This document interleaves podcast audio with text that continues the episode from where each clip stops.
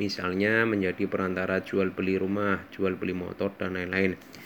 Keuntungan yang kita dapat bisa dari komisi penjualan atau dari cara lain atas kesepakatan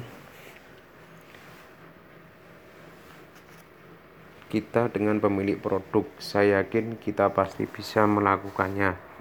Kita bisa juga membuat usaha dengan cara konsumen melakukan pembayaran di muka.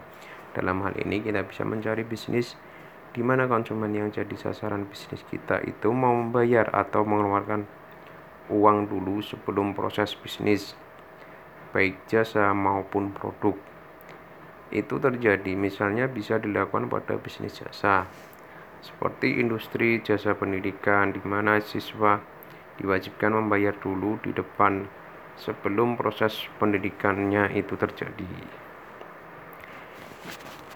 Bisa juga misalnya ada orang yang memesan barang pada kita